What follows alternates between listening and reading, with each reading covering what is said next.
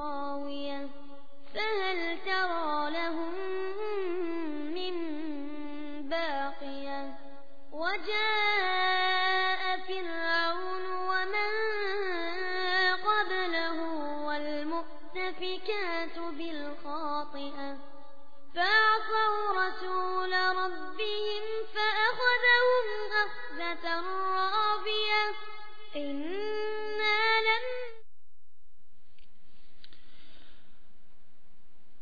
Assalamualaikum warahmatullahi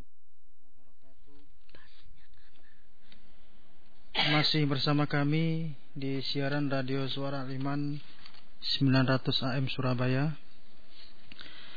Ihwatul Islam, para pendengar Radio Suara Liman 900 AM Surabaya di mana pun Anda berada. Alhamdulillah pada malam hari ini telah hadir di studio Al Ustadz Mubarak Mu'alim LC MHI yang beliau akan menyampaikan kajian Islam yaitu kajian kitab Riyadhus Shalihin. Dan bagi para pendengar sekalian yang ingin mengajukan pertanyaan kepada Ustadz bisa melalui SMS ke nomor 08 99342 6004 Saya ulangi sekali sekali lagi. Bagi para pendengar sekalian yang ingin mengajukan pertanyaan kepada Ustadz Bisa melalui SMS ke nomor 0899 342 6004 Dan selanjutnya kepada Al Ustadz Mubarak Bamu Alim LC MHI kami persilakan untuk memulai kajian. Tafadhol Ustaz.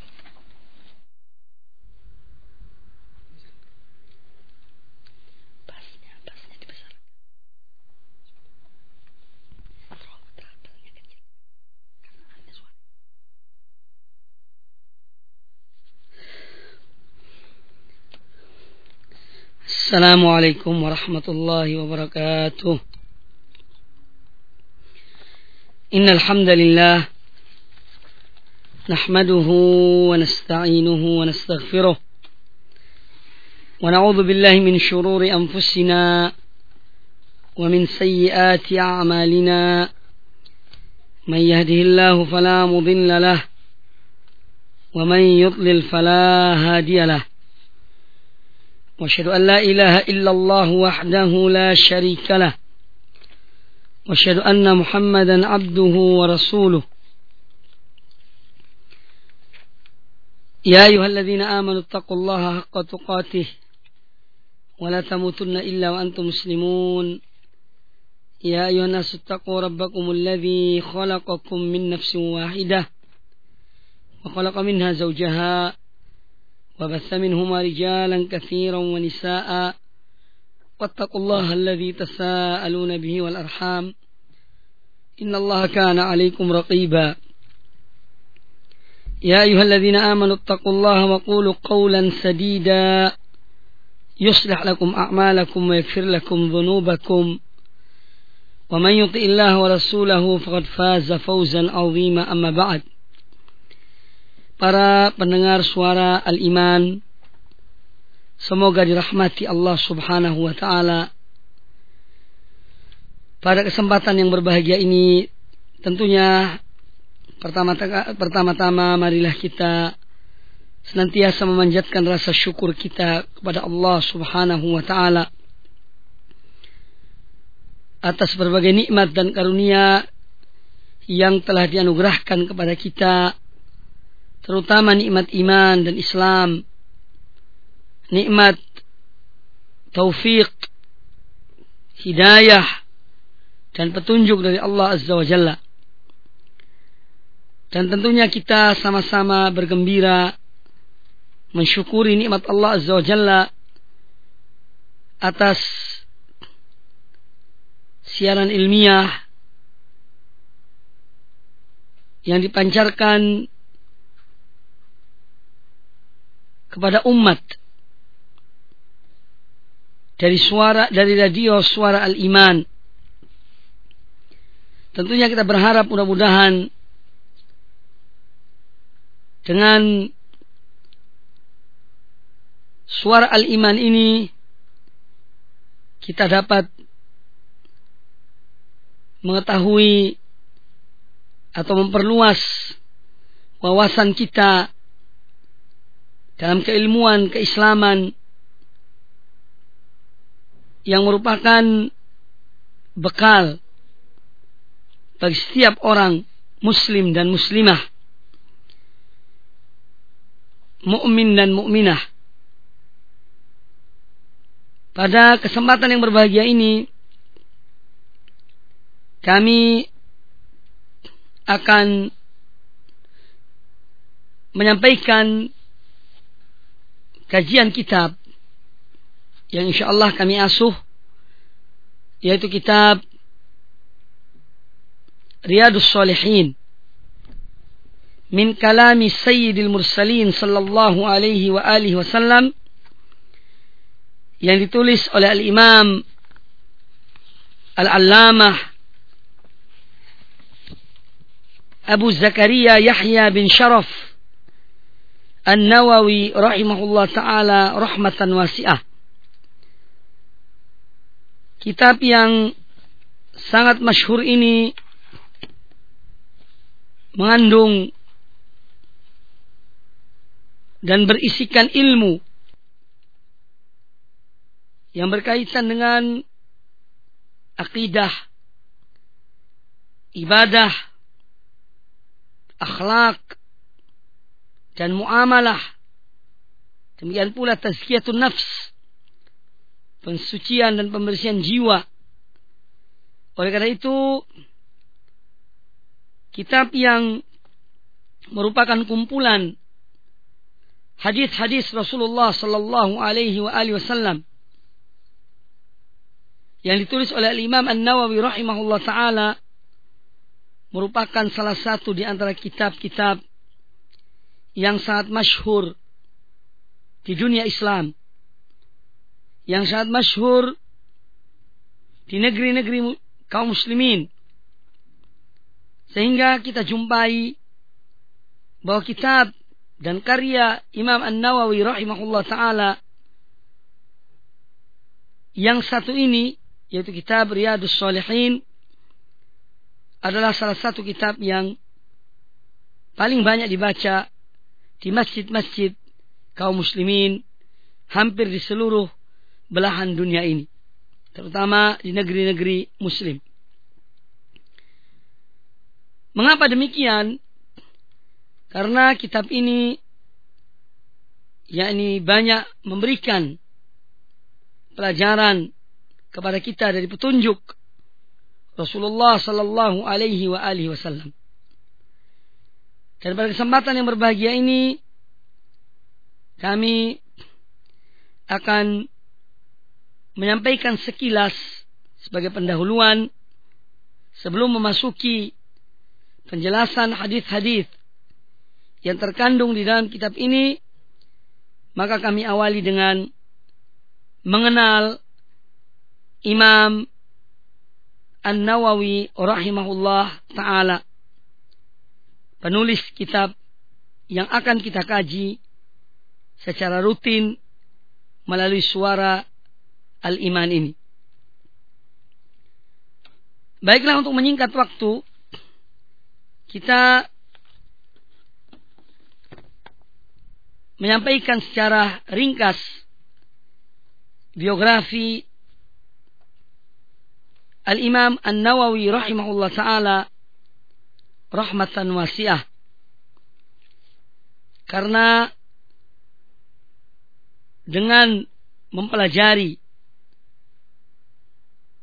pola hidup para ulama kita, terutama ulama-ulama muslimin yang telah dikenal oleh hampir seluruh kaum muslimin seperti Imam An-Nawawi rahimahullah taala ini sangatlah penting agar kita bisa mengambil pelajaran dari kehidupan mereka. Kita bisa menjadikan mereka sebagai contoh dan teladan di dalam kita menjalani kehidupan di dunia ini. Adapun Imam An-Nawawi rahimahullah taala beliau namanya adalah Yahya bin Sharaf bin Murri bin Hasan bin Hussein bin Muhammad bin Jum'ah bin Hizam. Beliau dikenal dengan panggilan Abu Zakaria. Si An-Nawawi rahimahullah taala biasanya dipanggil dengan nama dengan nama panggilan Abu Zakaria. Meskipun beliau tidak mempunyai putra yang bernama Zakaria. Karena Al-Imam An-Nawawi rahimahullah taala salah satu di antara para ulama-ulama muslimin yang tidak menikah sampai mereka sampai menemui ajalnya.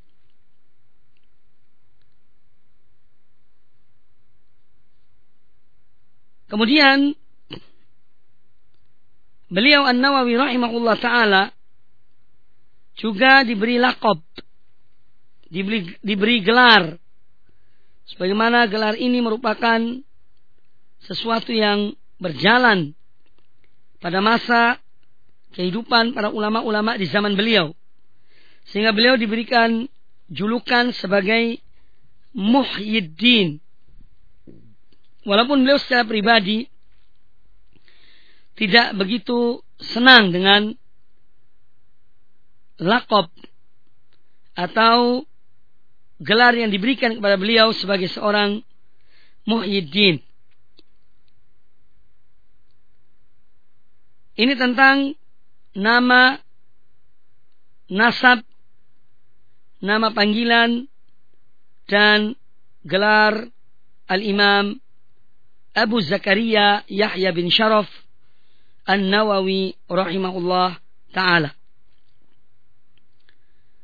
Al-Imam An-Nawawi rahimahullah sebagaimana disebutkan bahwa keturunan beliau dinisbatkan sampai kepada kakeknya yang tertinggi yaitu Jum'ah bin Hizam atau Hizam. Karena disebutkan dalam sejumlah kitab bahwa sebagian kakek beliau, kakek Imam Nawawi, mereka mengatakan bahwa mereka bernisbah atau keturunan mereka sampai kepada seorang sahabat yaitu Hakim bin Hizam radhiyallahu anhu. Namun An-Nawawi rahimahullah taala membantah Faqal hadza ghalatun. Ini adalah satu kekeliruan. Jadi An-Nawawi rahimahullah taala beliau sendiri me, menyangkal atau menyalahkan tentang penisbatan kakek beliau yang tertinggi sampai kepada Hakim bin Hizam radhiyallahu anhu. Al-Imam Nawawi rahimahullah taala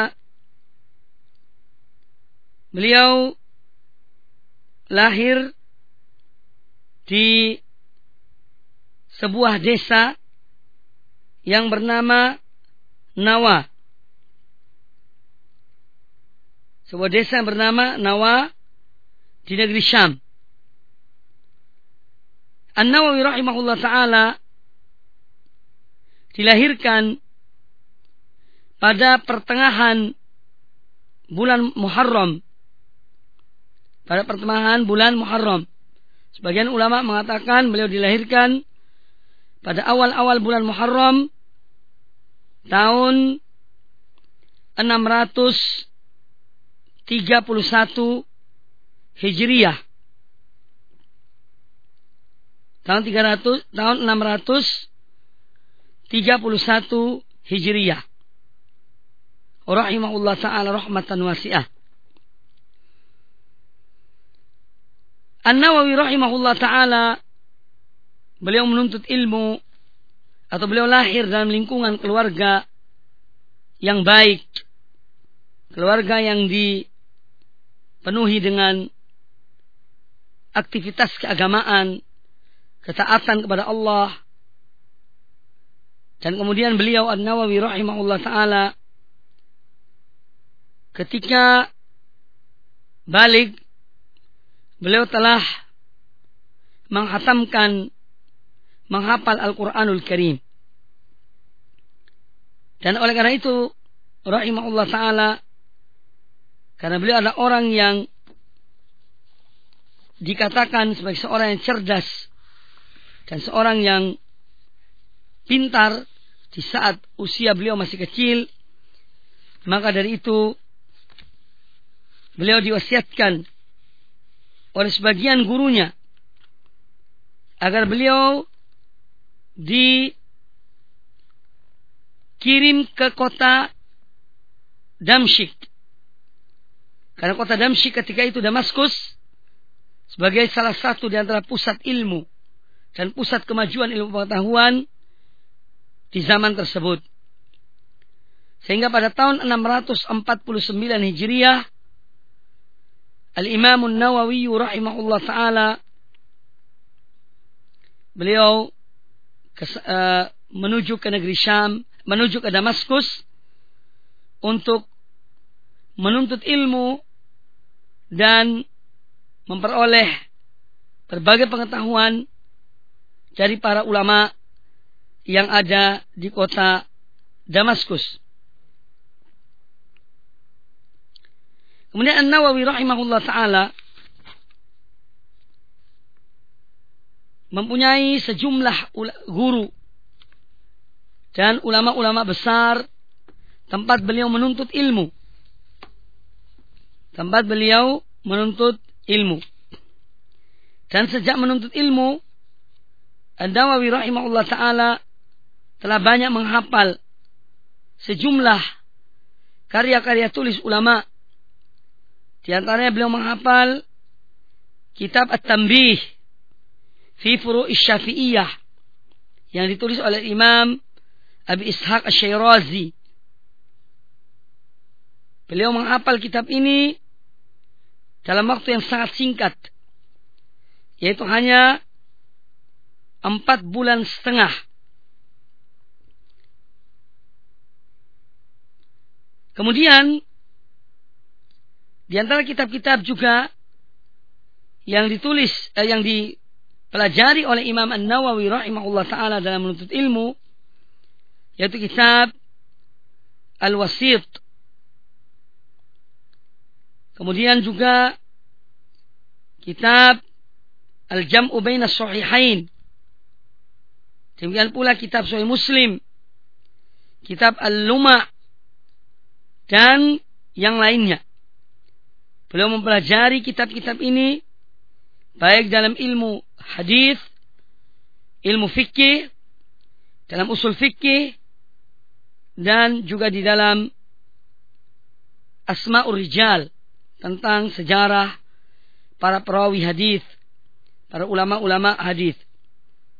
An-Nawawi rahimahullah taala rahmatan wasi'ah mengambil ilmu dan menimba ilmu dari sejumlah ulama besar di antaranya di dalam ilmu fikih dan usul fikih beliau mengambil dari al-Imam Ishaq bin Ahmad bin Uthman al-Maghrabi yang wafat pada tahun 650 Hijriah.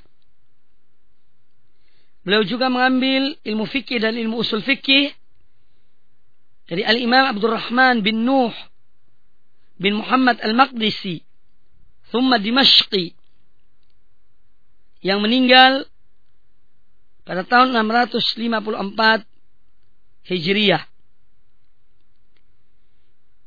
Di antara syekh beliau juga dalam ilmu fikih dan usul fikih yaitu Al-Imam Sallar bin Al-Hasan Al-Irbi Al-Irbili thumma Al-Halabi Thumma Dimashqi yang wafat pada tahun 670 Hijriyah.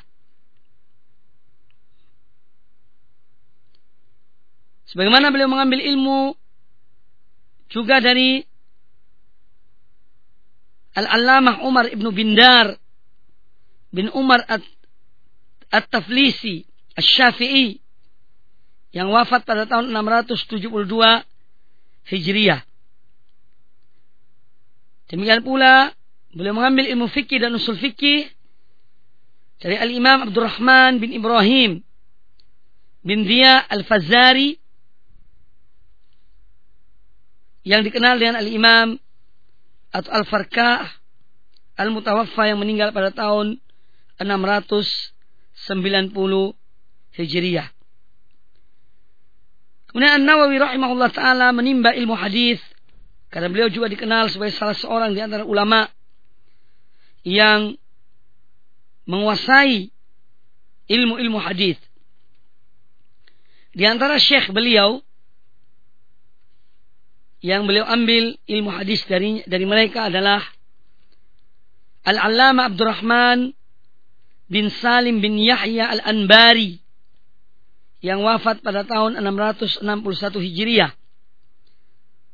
Demikian pula Al-Imam Abdul Aziz bin Muhammad bin Abdul Muhsin Al-Ansari yang wafat pada tahun 662 Hijriah.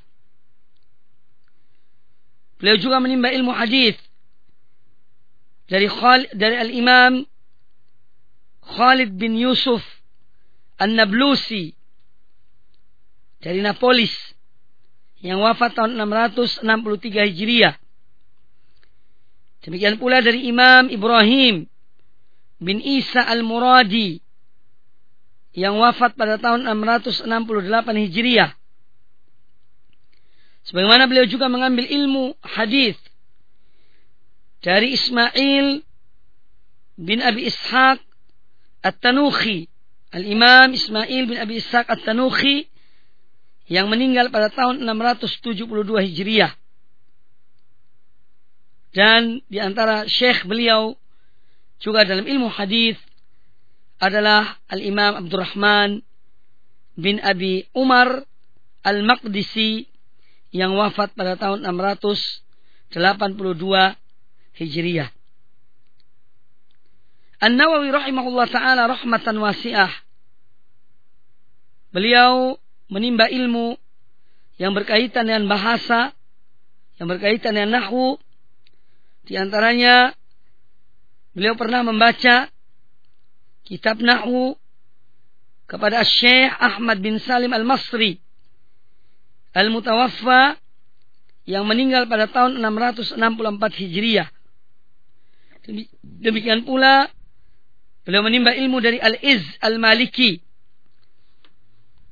Salah seorang ulama bahasa dari madhab Imam Malik.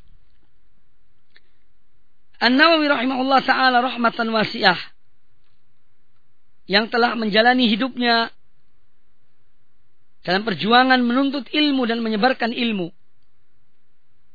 Beliau mempunyai dan meninggalkan sejumlah murid sejumlah ulama yang mereka adalah alumnus dari madrasah al-Imam An-Nawawi rahimahullah taala.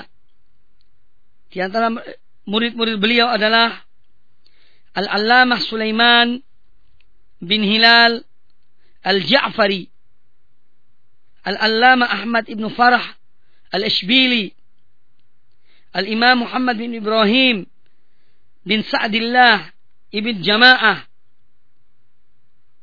Demikian pula Al-Allamah Alauddin Ali bin Ibrahim yang dikenal dengan Ibnul Attar. Itu di antara murid-murid beliau yang telah berhasil beliau didik sehingga menjadi ulama-ulama kenamaan dari amal dan usaha An-Nawawi rahimahullah taala rahmatan wasiah. Dan semoga Allah SWT merahmati semua para ulama-ulama muslimin yang telah berjasa di dalam menyebarkan ilmu kepada umat ini. Kemudian An-Nawawi rahimahullah taala disebutkan tentang sifat beliau. Bahwa beliau adalah salah beliau salah seorang ulama yang telah disepakati oleh para ulama. Bahwa An-Nawawi rahimahullah taala seorang imam.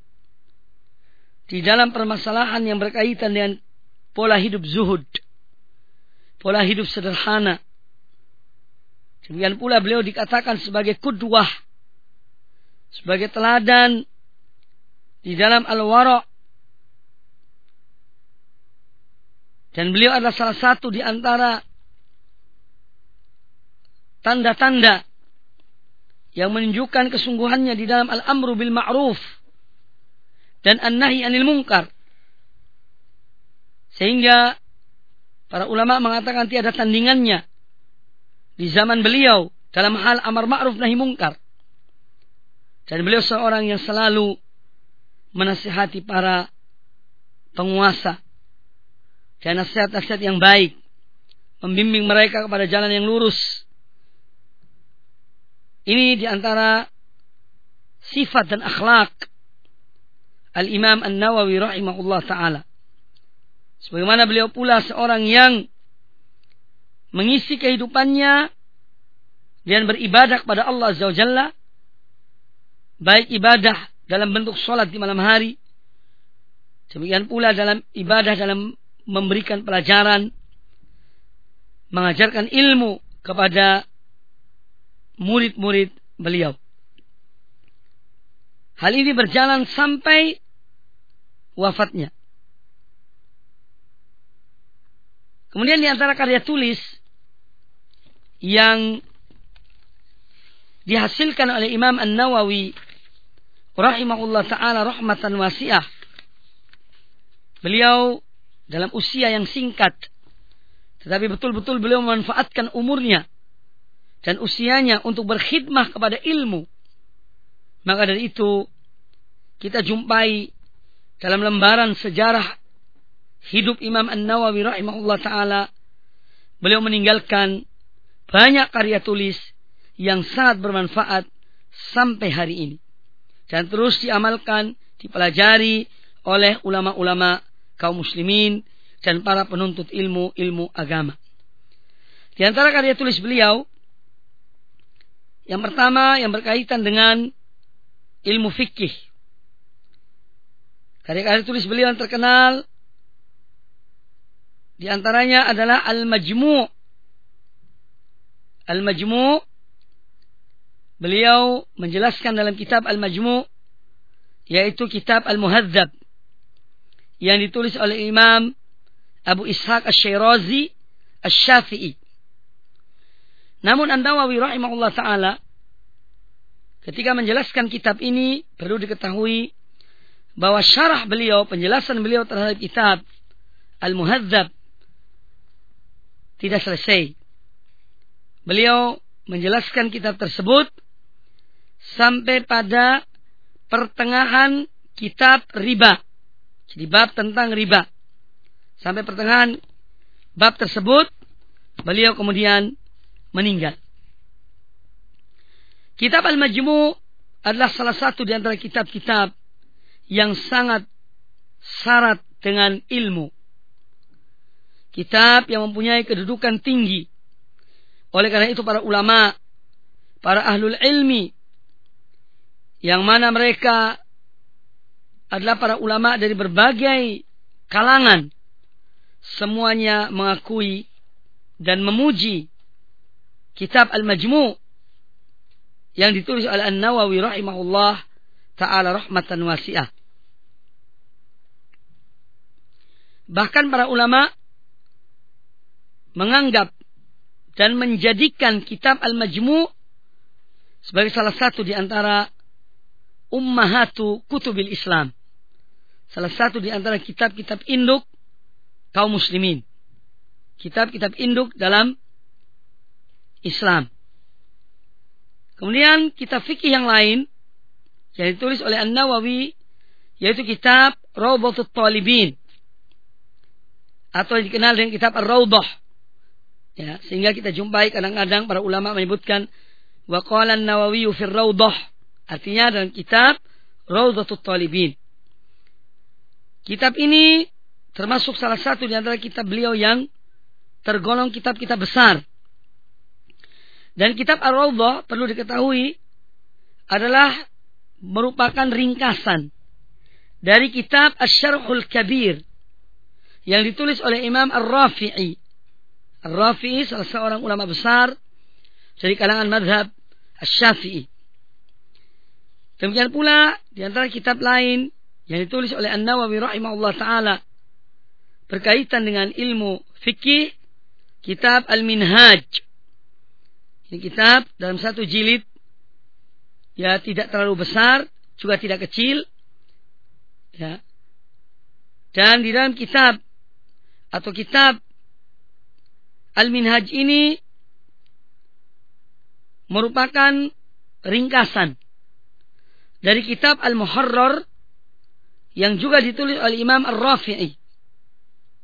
Rahmatullah alal jami' Semoga rahmat Allah atas semuanya. Dan kitab Al-Minhaj adalah sangat masyhur dan menjadi umdah sandaran dan patokan di dalam mempelajari tentang madhab al-imam al-syafi'i al-qurashi rahimahullah ta'ala rahmatan wasi'ah. Masih banyak sebetulnya kitab-kitab fikih lainnya yang ditulis oleh An-Nawawi rahimahullah taala meskipun tidak selesai. Itulah di antara kitab beliau yang berkaitan dengan al-fiqh. Adapun kitab-kitab dan karya tulis Imam An-Nawawi rahimahullah taala yang berkaitan dengan kitab dan dengan al-hadis dan ilmu-ilmu hadis di antaranya adalah beliau mempunyai kitab Syarah Sahih Al-Bukhari Beliau menulis baru satu jilid kitab ini. Tetapi tidak selesai. Kemudian yang kedua, juga kitab yang sangat masyhur. Yaitu kitab Syarah Sahih Muslim. Yang diberi nama dengan Al-Minhaj Syarah Sahih Muslim Ibn Al-Hajjaj. Dan ini adalah kitab boleh dikatakan sebagai kitab yang terbesar di dalam syarah Muslim, yakni yang menjelaskan tentang Sahih Muslim. Dan kitab Al-Minhaj Syarah Sahih Muslim ini adalah kitab syarah Muslim yang paling terkenal dan paling di paling tersebar di kalangan kaum muslimin dan para ulama muslimin. An-Nawawi juga mempunyai kitab Syarah Sunan Abi Dawud. Namun juga tidak selesai. Tidak sampai selesai beliau mensyarah kitab Sunan Abi Dawud. Beliau juga punya ringkasan. Ringkasan Sunan Tirmidzi yang beliau namakan Mukhtasar At-Tirmidzi. Kemudian di antara kitab beliau yang masyhur yaitu kitab Riyadus Solehin. Ini yang insya Allah akan kita mempelajarinya dan mengambil hikmah-hikmah dari hadis-hadis Rasulullah Wasallam dalam kitab tersebut. Kemudian kitab Al-Adkar. Ini juga tidak asing bagi kaum muslimin. Kitab Al-Adkar Lin Nawawi. Kemudian kitab Al-Arba'in An-Nawawiyah ini juga masih berkaitan dengan karya-karya tulis beliau yang berkaitan dengan ilmu dan hadis dan ilmu hadis. Tiga kitab yang disebutkan terakhir yaitu Riyadus Shalihin, Azkar dan Al-Arbaun An-Nawawiyah atau Al-Arba'in An-Nawawiyah ini adalah kitab yang sangat tersebar banyak dikagumi dan dipelajari oleh ulama-ulama muslimin Demikian pula oleh para tulabul ilim, para penuntut ilmu yang mendalami ilmu agama, hampir semuanya mempelajari kitab atau tiga kitab tersebut. Kemudian An-Nawawi rahimahullah taala juga menulis karya tulis yang berkaitan dengan biografi para ulama dan berkaitan dengan ilmu bahasa. Di antara karya tulis beliau dalam bidang ini yang terkenal adalah Tahdzibul Asma wal Lughat. Kitab Tahdzib al-Asma wal Lughat. Di dalam kitab ini An-Nawawi rahimahullah taala beliau menulis sejumlah biografi singkat dari ulama-ulama baik laki-laki maupun wanita yang disebutkan nama mereka dalam kitab Mukhtasar Al-Muzani. Mukhtasar Al-Muzani. Juga dari kitab Al-Muhadzab. Dari kitab At-Tambih. Dari kitab Al-Wasit. Dan dari kitab Al-Wajiz. Demikian pula An-Nawawi rahimahullah taala dalam kitab Al-Tahdzibul Asma wal Lughat beliau menjelaskan tentang bahasa kata-kata. Dan kitab ini, kitab yang disebutkan oleh para ulama, Azimul Qadri Jalilul Faidah. Kitab Tahzibul Asma wal Lughat, kitab yang sangat berarti dan banyak manfaatnya. Kitab ini menunjukkan keilmuan Imam An-Nawawi rahimahullah taala dalam bidang ini dan kecermasan beliau di dalam ilmu atau bidang ilmu ini. Kemudian An-Nawawi rahimahullah taala juga menulis tentang biografi sejumlah ulama Syafi'iyah. Dan kitab ini dinamakan Tabaqat Asy-Syafi'iyah. Tabaqat Syafi'iyah itu banyak. Ada Tabaqat Syafi'iyah yang ditulis oleh As-Subki ada Tabaqat Syafi'iyah yang ditulis oleh, oleh Al-Asnawi atau Al-Isnawi. Nah, demikian pula ada Tabaqat Syafi'iyah yang ditulis oleh Al-Imam An-Nawawi rahimahullah taala. Namun kitab ini hanya dalam jumlah satu jilid dan kitab ini merupakan ringkasan dari kitab Al-Imam Ibn Salah dan beliau menambah sejumlah tambahan. Demikian pula Imam An-Nawawi rahimahullah taala mempunyai kitab yaitu Manakib Asy-Syafi'i. Manakib kedudukan hal-hal kemuliaan yang berkaitan dengan Al-Imam Asy-Syafi'i rahimahullah taala. Kemudian dalam masalah adab dan akhlak kita mengenal kitab yang sudah tidak asing lagi bagi kita yaitu tentang adab hamalatul Quran yang beliau namakan kitab At-Tibyan fi adabi hamalatil Quran. Kitab At-Tibyan yang menjelaskan tentang adab-adab bagi mereka orang-orang yang menghafal Al-Quranul Karim. Kitab ini tidak besar, tetapi mempunyai banyak manfaat, mempunyai banyak ilmu yang terkandung dalam kitab tersebut. Banyak beliau menyebutkan di antara keutamaan-keutamaan membaca Al-Quran dan adab-adab membaca Al-Quran. Demikian pula adab bagaimana seorang guru dan seorang murid. Itulah di antara karya-karya tulis Imam An-Nawawi rahimahullah taala rahmatan wasi'ah. Semoga Allah merahmati beliau. Sekarang kita melihat setelah kita mendengar bagaimana beliau An-Nawawi rahimahullah taala di dalam kehidupan beliau yang diisi dengan menuntut ilmu, yang diisi dengan berkarya, yang bermanfaat bagi kaum muslimin. Oleh karena itu An-Nawawi rahimahullah taala beliau banyak dipuji oleh para ulama. Beliau dipuji oleh para ulama di dalam karya-karya tulis mereka. Di antaranya beliau dipuji oleh Imam Alauddin Ibn Al-Attar, salah seorang murid beliau. Karena beliau menyaksikan kehidupan Imam An-Nawawi. Dan beliau menghadiri masa hidupnya An-Nawawi.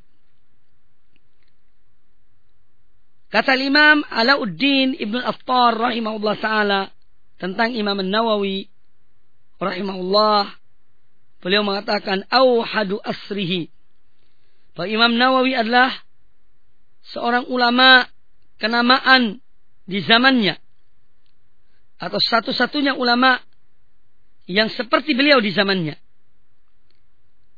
wa faridu dahri faridu dahri artinya Tiada tandingannya di zaman beliau. As-Sawwamul Qawwam. An-Nawawi rahimahullah taala disifati oleh muridnya sebagai seorang yang senantiasa berpuasa di siang hari. Al-Qawwam yang selalu bangun di malam hari untuk sholat, untuk ibadah kepada Allah Azza wa Jalla.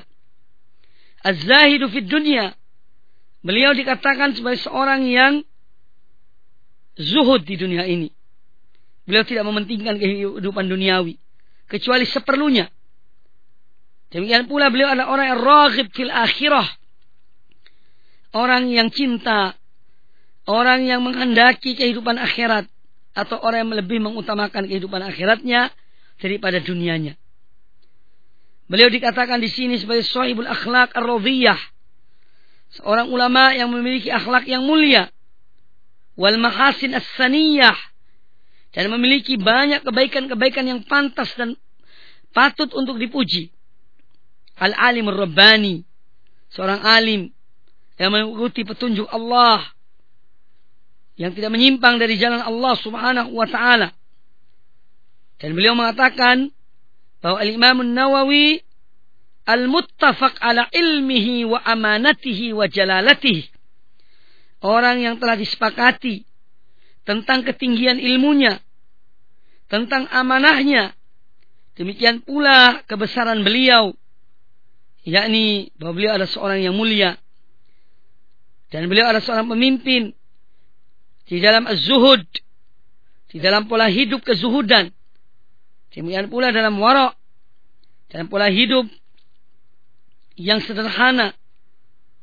Demikian pula beliau imam di dalam beribadah kepada Allah Azza wa Jalla. Dan orang yang senantiasa memelihara ucapannya, memelihara perbuatannya, dan selalu merasa diawasi oleh Allah Subhanahu wa Ta'ala di dalam kehidupannya, di dalam tingkah lakunya. Rahimahullah Ta'ala rahmatan wasi'ah. Al-Imam Al-Zahabi rahimahullah Ta'ala menyebutkan tentang Al-Imam An-Nawawi beliau mengatakan bahwa An-Nawawi adalah Al-Imamul Hafid seorang imam. Seorang yang banyak menghafal hadis-hadis Rasulullah sallallahu alaihi wasallam. Al-Auhadul Qudwah. Satu-satunya ulama di zamannya yang yang tiada tandingan baginya. Dan seorang kudwah contoh teladan. Beliau adalah Syekhul Islam. Beliau adalah seorang syekh yang menguasai ilmu-ilmu keislaman. Demikian pula kata Az-Zahabi rahimahullah taala An-Nawawi alamul awliya. Beliau adalah salah seorang di antara wali-wali Allah Subhanahu wa taala yang sangat tampak karena disebutkan tentang sejumlah karomah dan keutamaan yang dimiliki oleh An-Nawawi. Kemudian An-Nawawi rahimahullah taala juga disebutkan dan dipuji oleh Al-Imam Ibnu Fadlillah rahimahullah taala beliau mengatakan An-Nawawi Syekhul Islam Imam An-Nawawi adalah seorang syekh, seorang alim yang menguasai ilmu-ilmu keislaman. Alamul Aulia, seorang wali yang terkenal. Qudwatuz Zuhad, beliau adalah seorang contoh teladan dalam pola hidup kezuhudan, dalam pola hidup kesederhanaan. Rajulu ilmin wa amal. An-Nawawi adalah seorang yang berilmu dan seorang yang mengamalkan ilmunya. Seorang yang mengamalkan ilmu yang dimilikinya. Ini di antara pujian para ulama terhadap An-Nawawi rahimahullah taala rahmatan wasi'ah. Kemudian An-Nawawi rahimahullah disebutkan tentang beliau eh, tentang wafatnya bahwa beliau wafat di negerinya sendiri. Di desanya sendiri yaitu desa Nawa. Di rumah ayahnya. Dan beliau wafat rahimahullah taala pada tanggal 24 Rojab tahun 600 76 Hijriah. Pada tahun 676 Hijriah. Kemudian beliau dimakamkan juga di kota atau di desa Nawa. Dan ketika beliau wafat, tidak sedikit kaum muslimin yang mengucurkan air mata mengantar kepergian sang imam, sang alim yang telah menebarkan ilmunya. Dan itu kita rasakan sampai hari ini. Bagaimana ilmu beliau bermanfaat sehingga karya-karya tulis beliau sampai hari ini masih dibaca. Bahkan di antara karya-karya ulama yang terbanyak dibaca oleh kaum muslimin. Semoga rahmat Allah senantiasa menyertai Imam An-Nawawi rahimahullah taala dan semoga Allah memasukkan beliau ke dalam Firdausul A'la. Dan demikian pula kita tidak lupa mendoakan diri kita. Semoga Allah Subhanahu wa taala juga mengumpulkan kita bersama beliau dan bersama ulama-ulama kaum muslimin di tempat yang mulia di sisi Allah Subhanahu wa taala. Amin ya rabbal alamin. Kaum muslimin, para pendengar suara al-iman rahimakumullah. Demikian sekilas tentang biografi sejarah singkat kehidupan Al-Imam Nawawi rahimahullah taala rahmatan wasiah. Adapun pada malam yang berbahagia ini kita mengawali yaitu membah, mengkaji kitab beliau yang sangat terkenal dan sangat bermanfaat yaitu kitab Riyadus Salihin min kalami Sayyidil Mursalin sallallahu alaihi wasallam. Kitab Riyadus Salihin ini ibarat dari kumpulan hadis-hadis Nabi sallallahu alaihi wasallam yang berkaitan dengan banyak masalah yang berkaitan dengan akidah, akhlak, muamalah, demikian pula fadail, keutamaan-keutamaan, sejumlah amal-amal kebaikan. Ini semua nanti insya Allah Ta'ala akan kita ikuti dan akan kita pelajari dan kita mengambil hikmah dan pelajaran dari karya dari hadis-hadis Rasulullah SAW yang dituliskan oleh An Nawawi rahimahullah taala. Di antara metode yang digunakan oleh An-Nawawi rahimahullah taala dalam kitab beliau Riyadus Solihin yaitu beliau menulis bab per bab. Kemudian pada setiap bab yang beliau tulis jika di sana terdapat dalil dari Al-Qur'anul Karim sebagai pendukung bab tersebut Maka An-Nawawi rahimahullah taala menulis sejumlah ayat sebagai dalil bagi bab tersebut. Kemudian baru, baru beliau membawakan hadis-hadis Rasulullah SAW yang berkaitan dengan bab yang beliau tulis tersebut. Dan terkadang ada sejumlah bab yang tidak disebutkan ayat Al-Quran sebagai dasarnya. Karena memang telah dicukupi oleh atau dengan hadis-hadis Rasulullah SAW yang dibawakan oleh beliau dalam bab tersebut.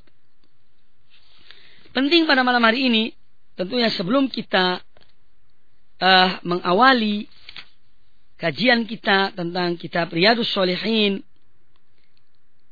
kami ingin menyampaikan poin-poin penting yang ditulis oleh An-Nawawi rahimahullah taala dalam muqaddimah kitab Riyadus Solihin. Di sini beliau menyebutkan setelah memuji Allah dan mengagungkan Allah Subhanahu wa taala serta kemudian beliau mengucapkan syahadat persaksian akan keesan Allah Subhanahu wa taala. Dan setelah beliau menyebutkan salawat dan salamnya kepada Nabi sallallahu alaihi wasallam, beliau kemudian menyebutkan tentang firman Allah Azza wa Jalla dalam Al-Qur'anul Karim yaitu yang berkaitan dengan tujuan manusia diciptakan. Ini dalam Muqaddimah An-Nawawi. Beliau yang membawa ayat Al-Quran yang menjelaskan tujuan Allah menciptakan manusia dan jin. Yaitu tentunya adalah untuk beribadah kepada Allah Azza. Allah berfirman, Wama khalaqtul jinna wal insa illa liya'budun. Dan tidaklah aku ciptakan jin dan manusia melainkan untuk mereka beribadah menyembah aku. Ma uridu minhum min rizqin wa ma uridu an yut'imun. Aku tidak mengharapkan dari mereka rizki dan tidak pula aku menghendaki mereka memberikan makan kepada aku. Ini dua ayat sebagai landasan mukaddimah yang dibawakan oleh An-Nawawi dalam Muqaddimah Riyadus Solihin. Beliau membawa dua ayat dari surat Az-Zariyat ayat 56 dan 57. Kemudian beliau menjelaskan setelah menyebutkan ayat ini bahwa ayat ini menjelaskan kepada kita dengan sangat jelas bahwasanya Allah Azza wa Jalla menciptakan hamba-hambanya adalah agar untuk beribadah menyembah Allah. Oleh karena itu kata An-Nawawi rahimahullah taala, "Fahaqqa 'alaihimul i'tina'u bima khuliqu lahu." Oleh karena itu sudah merupakan kewajiban manusia. Kewajiban jin dan manusia untuk memperhatikan untuk mencurahkan seluruh perhatian mereka terhadap tujuan mereka diciptakan oleh Allah Azza wa Jalla dan agar mereka manusia dan jin benar-benar i'rad berpaling jangan menggubris atau jangan mencurahkan seluruh perhatian mereka kepada kepentingan-kepentingan duniawi. Kemudian poin-poin yang lain yang penting disampaikan oleh An-Nawawi di dalam mukaddimah beliau bahwa perumpamaan kehidupan ini yang di dunia ini ibarat air yang diturunkan oleh Allah Azza dari langit. Sebagaimana Allah sebutkan dalam surat Yunus ayat 24. tentang kehidupan dunia ini yang akan berakhir dengan kebinasaan.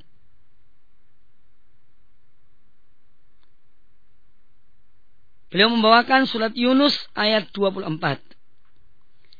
Bahwa perumpamaan kehidupan dunia ini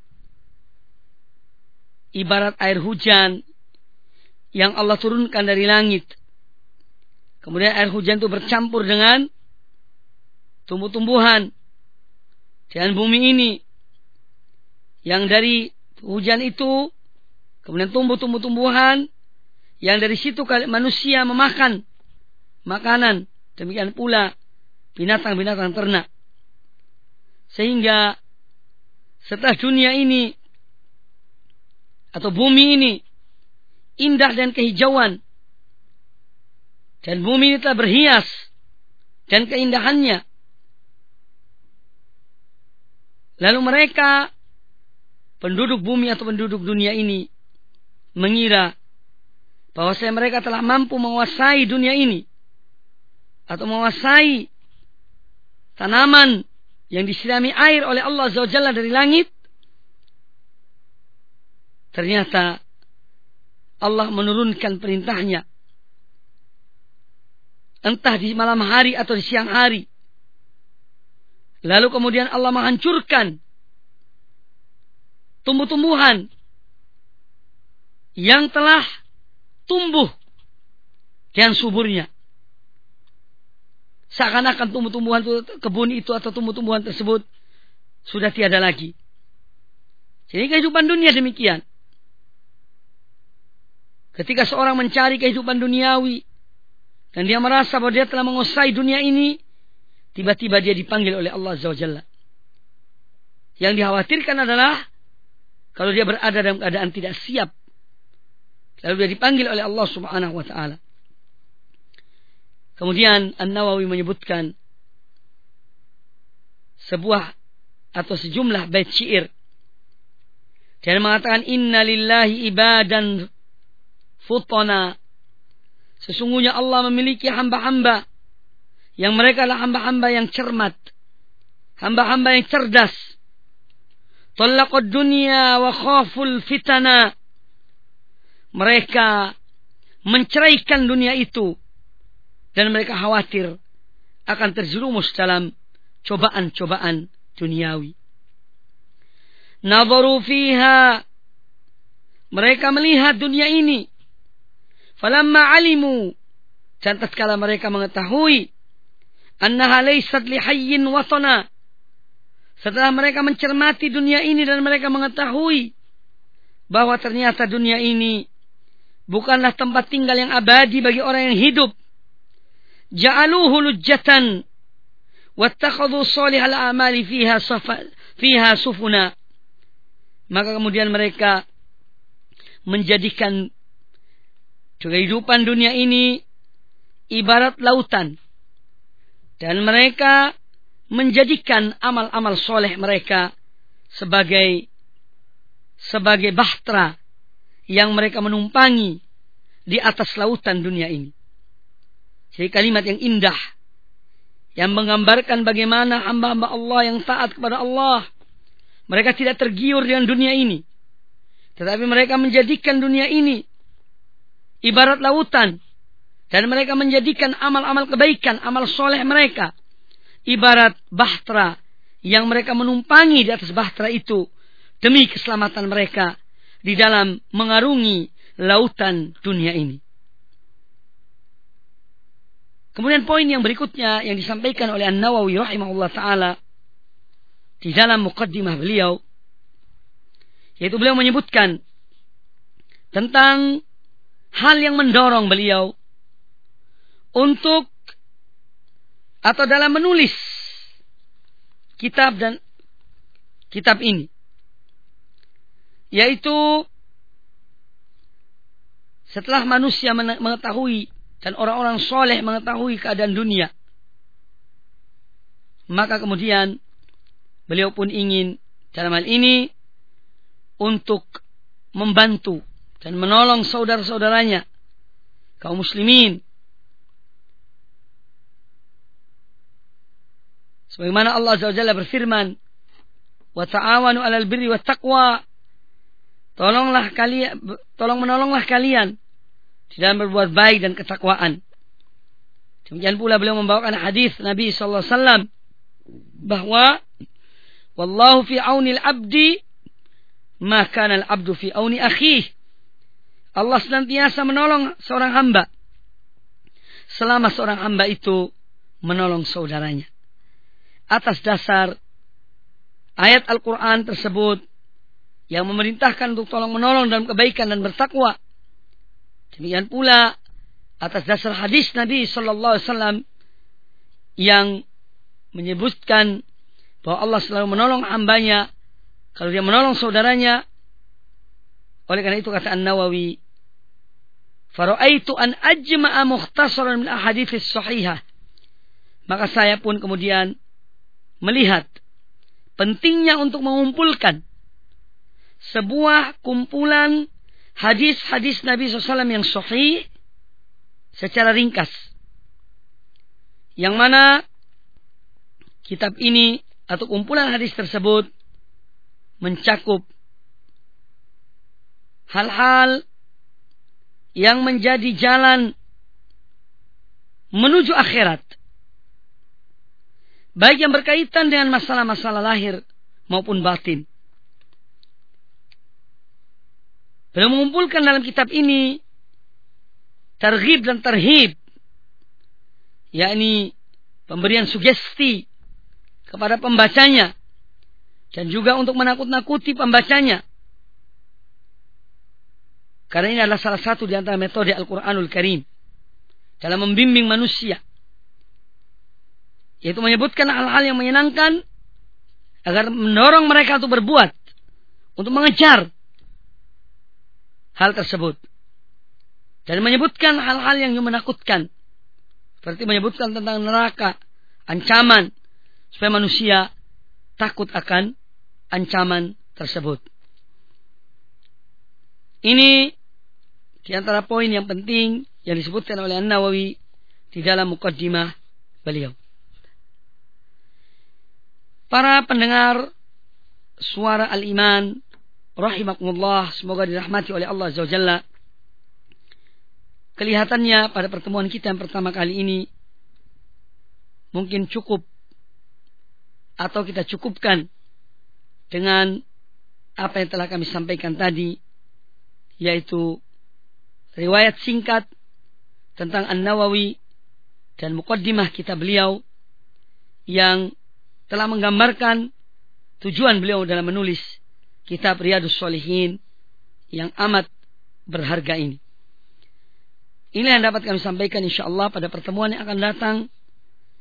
Kita akan mengawali yaitu bab tentang al-keikhlasan dan menghadirkan niat di dalam semua amal perbuatan baik berupa ucapan maupun perbuatan yang tersembunyi maupun yang tam, tampak. Insya Allah ayat-ayat dan hadis-hadis yang berkaitan dengan bab kehilasan ini akan kita awali pada pertemuan yang berikutnya. Mudah-mudahan apa yang kami sampaikan bermanfaat dan menggugah hati kita untuk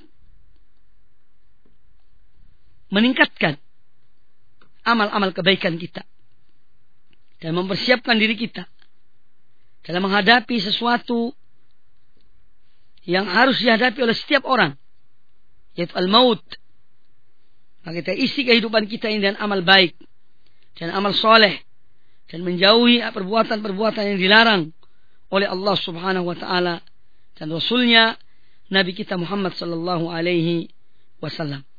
Akhirnya aku qouli hadza wallahu taala a'lam. Kurang lebih yang mohon maaf. Mungkin ada sejumlah hal yang ingin ditanyakan oleh para pendengar. Kami berikan waktu 5 atau 10 menit. Dipersilahkan kembali kepada pembawa acara.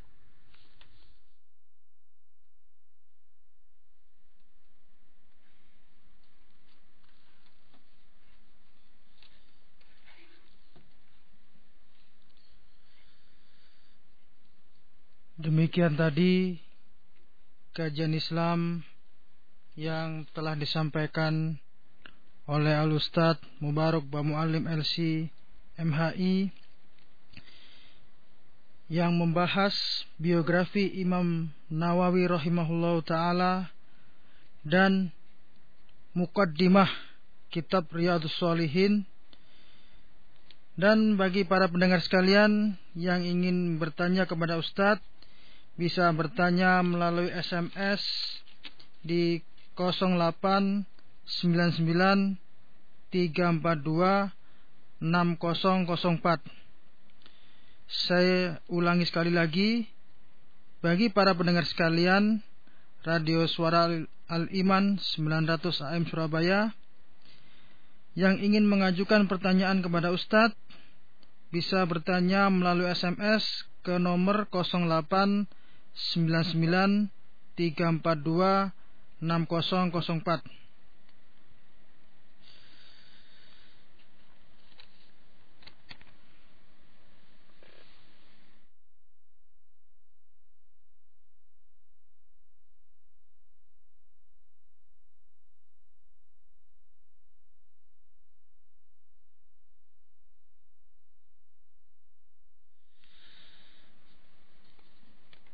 Demikianlah tadi kajian Islam yang telah disampaikan oleh Ustaz Mubarak Alim.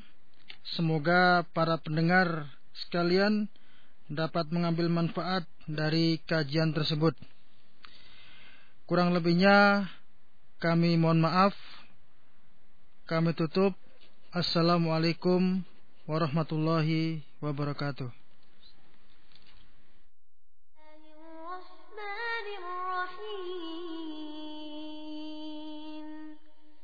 ولا